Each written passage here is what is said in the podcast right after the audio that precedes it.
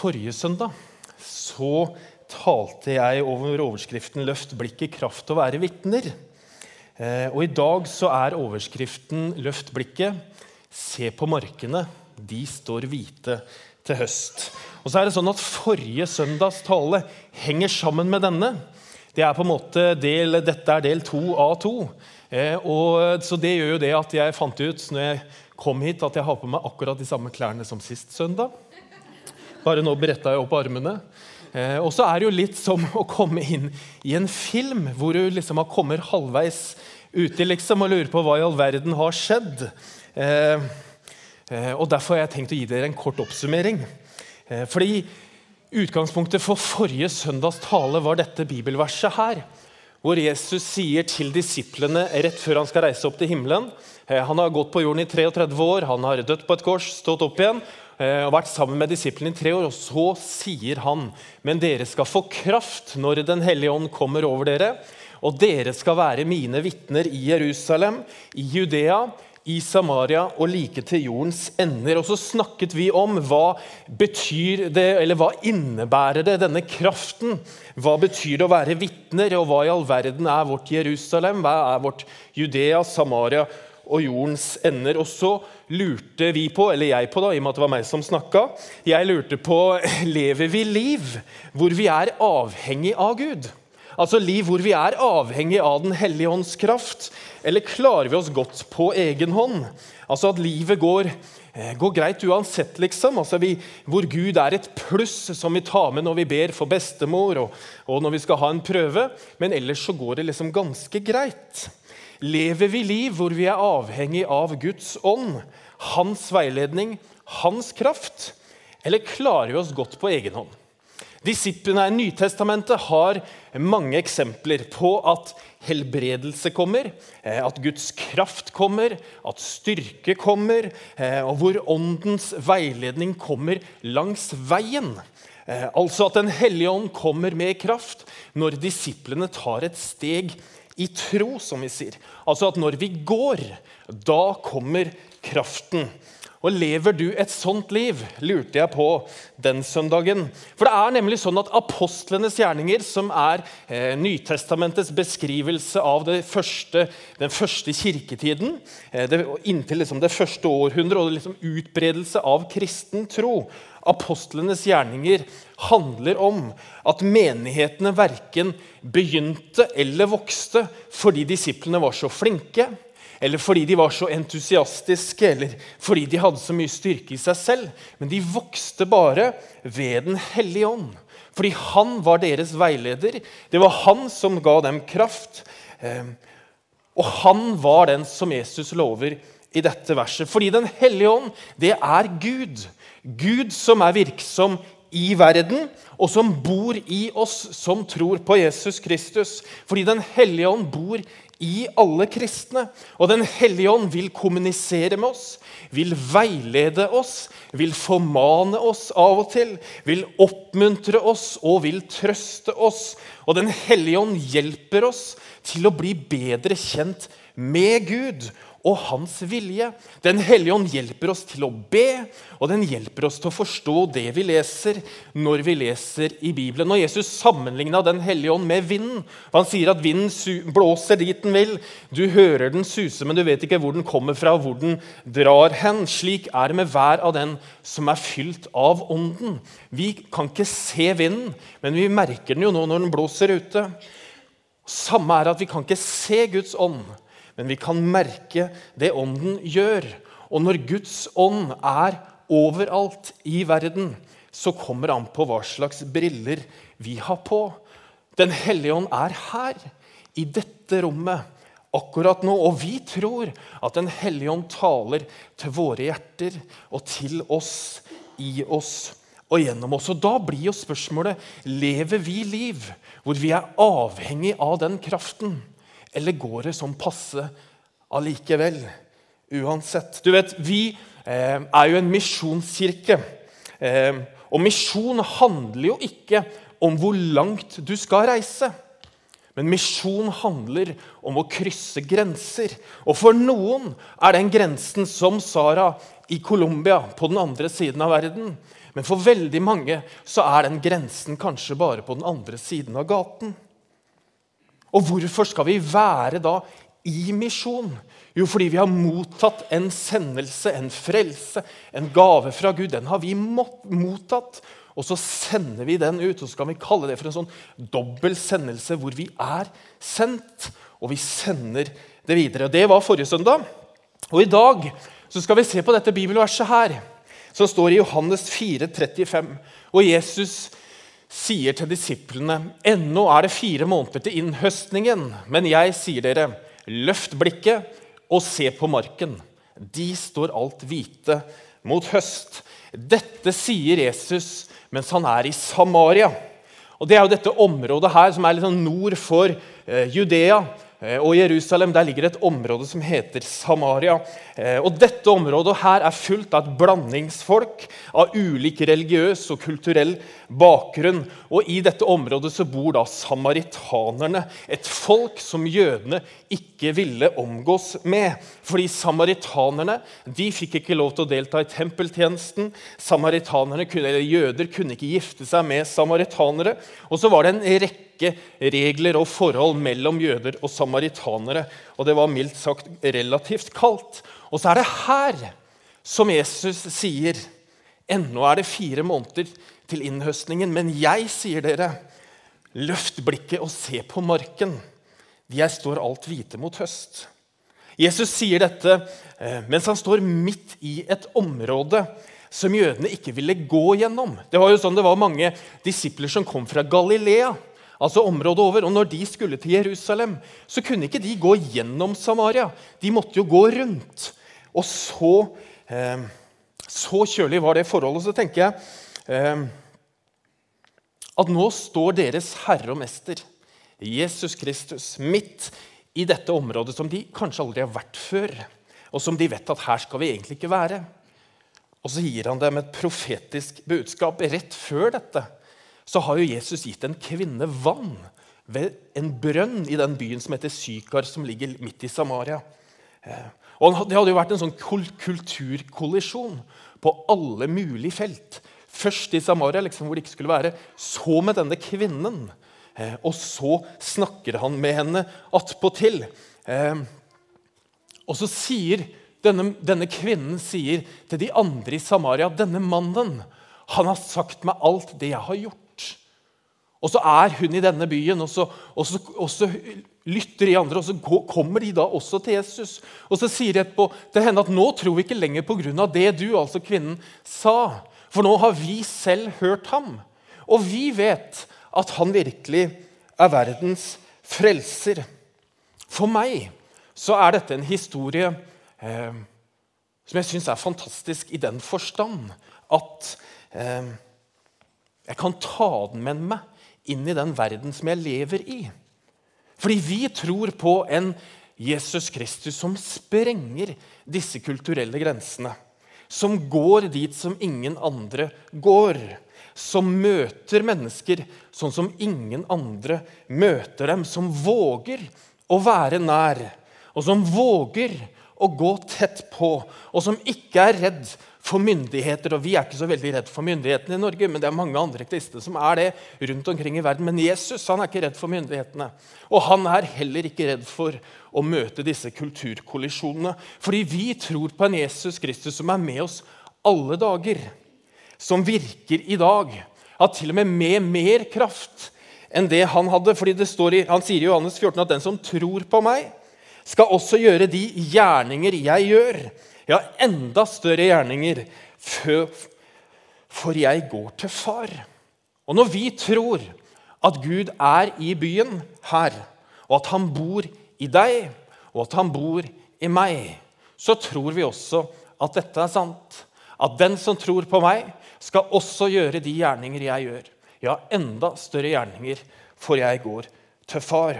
Og når Jesus sier at ennå er det fire måneder til innhøstingen, men jeg sier dere, løft blikket og se på markene. De står alt hvite mot høst. Så er dette også et ord og et løfte til oss i dag.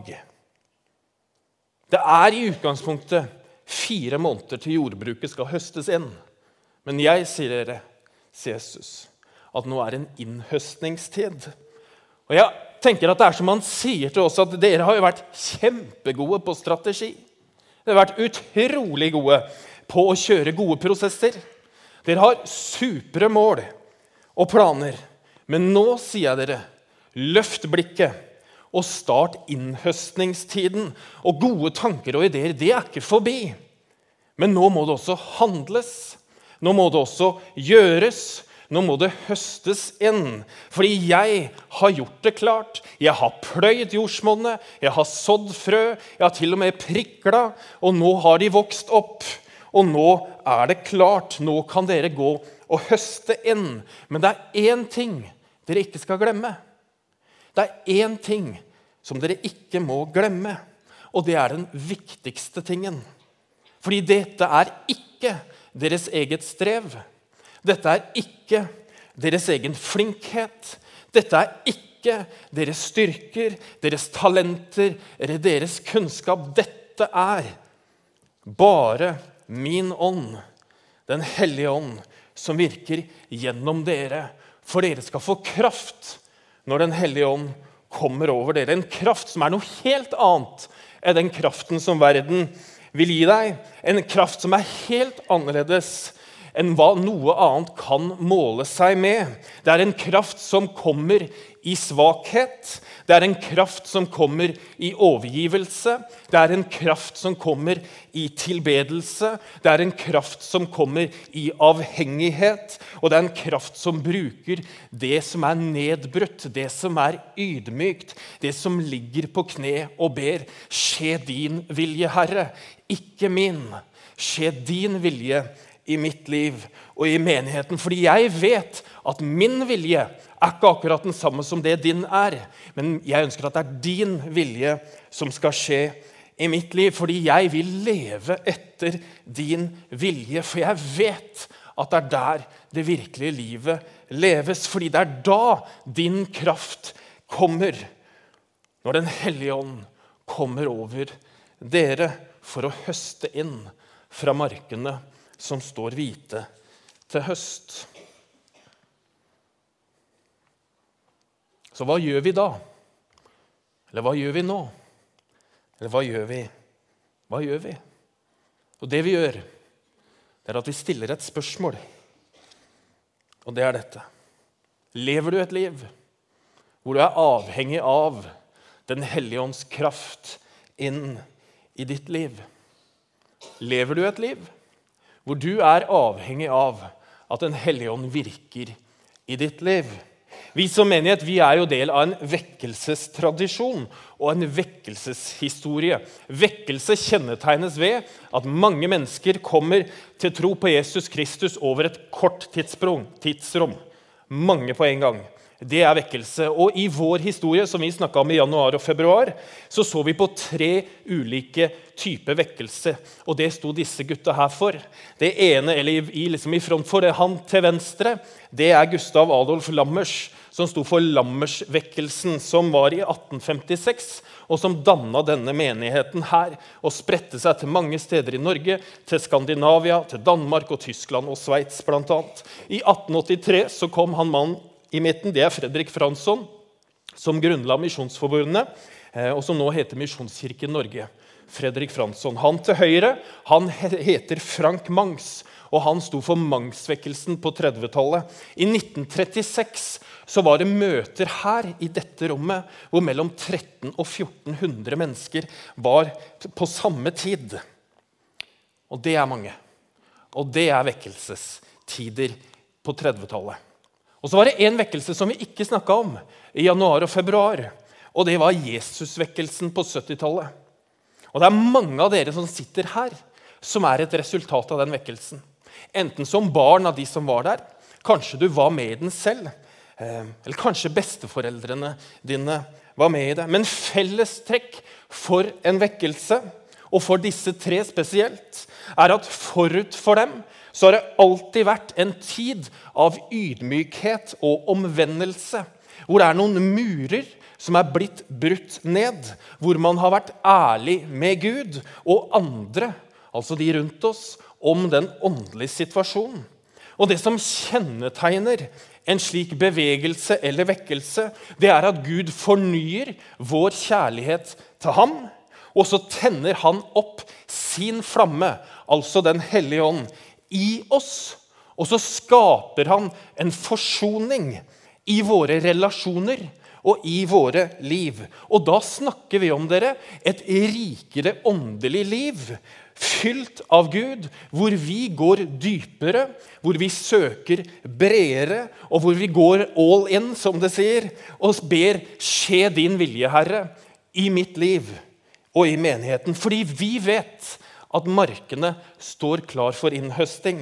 Vi vet at mennesker i Norge og i denne byen søker etter en mening med livet. Vi vet at mennesker søker etter det guddommelige og søker i det åndelige og i det overnaturlige. Og vi tror jo det som menighet, at Jesus Kristus er svaret på denne lengselen og på denne søkningen. Gjennom at Jesus har satt oss til å være vitner. Og så betyr det at du står ikke alene. Du står sammen med mange. Fordi du står sammen med en menighet. En menighet som er satt sammen for å vitne om Jesus på ulike steder og til ulike tider og på ulike måter. Men vi er satt sammen på den måten. Og så tar vi dette på stort alvor i SMK. Eh, og vi tar det faktisk så stort på alvor at vi inviterer deg til å være med. Faktisk. Så er spørsmålet om du vil være med. Vil du være med på det? Vil du være med på denne høsten? Vil du være med på det som er verdens viktigste og beste oppdrag, nemlig det å være vitner for Jesus Kristus og høste inn til hans høst? Og når du løfter blikket og ber La meg få se det du ser, Herre. Hva ser du da? Hva ser du? Hvem ser du? Og hvor ser du? Og når du ser hvem, hva og hvor, hva gjør du da? Og Det dårlige svaret på det det er at det må du finne ut sjøl. For det er du som ser, når du ser hvem, hva og hvor. Men så syns jeg det er et utrolig dårlig svar å si. At det må du finne ut sjøl, liksom. Ehm, men jeg vil svare på det sånn som Jesus svarer når Jesus blir spurt av en fariser om hva som er det største og viktigste budet i loven. Og Jesus svarer og du skal elske Herren din Gud av hele ditt hjerte, av hele din sjel og av all din forstand. Dette er det største og det første budet, men det andre er like stort. At du skal elske din neste som deg selv. Og på disse to budene hviler hele loven og profetene. Så når du ser hvem, hva og hvor, hva gjør du da? Ja, Da skal du elske de menneskene uten agenda. Elske dem for det, for det de er. At de er skapt i Guds bilde, for det er alle mennesker. er skapt i Guds bilde, og Derfor skal du elske dem. Du skal være sammen med dem. Du skal dele liv med dem. Du skal be for dem, kanskje. Og Hvis du finner det riktig, liksom, så kan du jo invitere dem til menigheten eller til en smågruppe, men det er ikke det viktigste. For Jesus sier at det viktigste er at du skal elske Herren din Gud av hele ditt hjerte og hele din forstand og, og, og hele din sjel. Og så skal du elske din neste som deg selv. Og så er resten detaljer. Resten kan vi ta senere. Det du primært skal gjøre, er å elske de neste. Og da er jo du et vitne når du gjør det, som får kraft fra Den hellige ånd, som gir deg visdom, og som gir deg ord når du møter menneskene, som gir deg setninger, som kanskje gir deg bilder, og som gir deg det du trenger for å være et vitne for Jesus gjennom å elske og ære Gud og elske og ære mennesker. Men det starter med å løfte blikket, se deg rundt og spør Jesus, 'Hva ser du, Herre, som jeg trenger å se?' Hvem er det du ser, som jeg trenger å se? Og hva er det du ser, Herre, som jeg trenger å se? Fordi jeg vil se det du ser. Skal vi be? Herre, takk for at du elsker oss slik ingen andre elsker oss. Takk for at vi kan tro på deg og vite at du er med oss alle dager. Takk, Herre, for at du vil vise oss hvem, hva og hvor. Og så ber jeg, Herre, at når vi ser det, så skal du gi oss kraft til å gjøre eh, det vi skal gjøre. Og at du gjør oss modige sånn vi også gjennomfører det. Og så ber jeg, Herre, om at du skal hjelpe oss til å gjøre din vilje. At vi skal oppleve at vi går i ferdiglagte gjerninger, hvor du gir oss setninger, hvor du gir oss ord, og hvor du kommer med din ånd, Herre, og gir oss kraft. Det ber jeg om. I Jesu navn. Amen. Så skal vi synge noen sanger sammen. Og mens vi gjør det,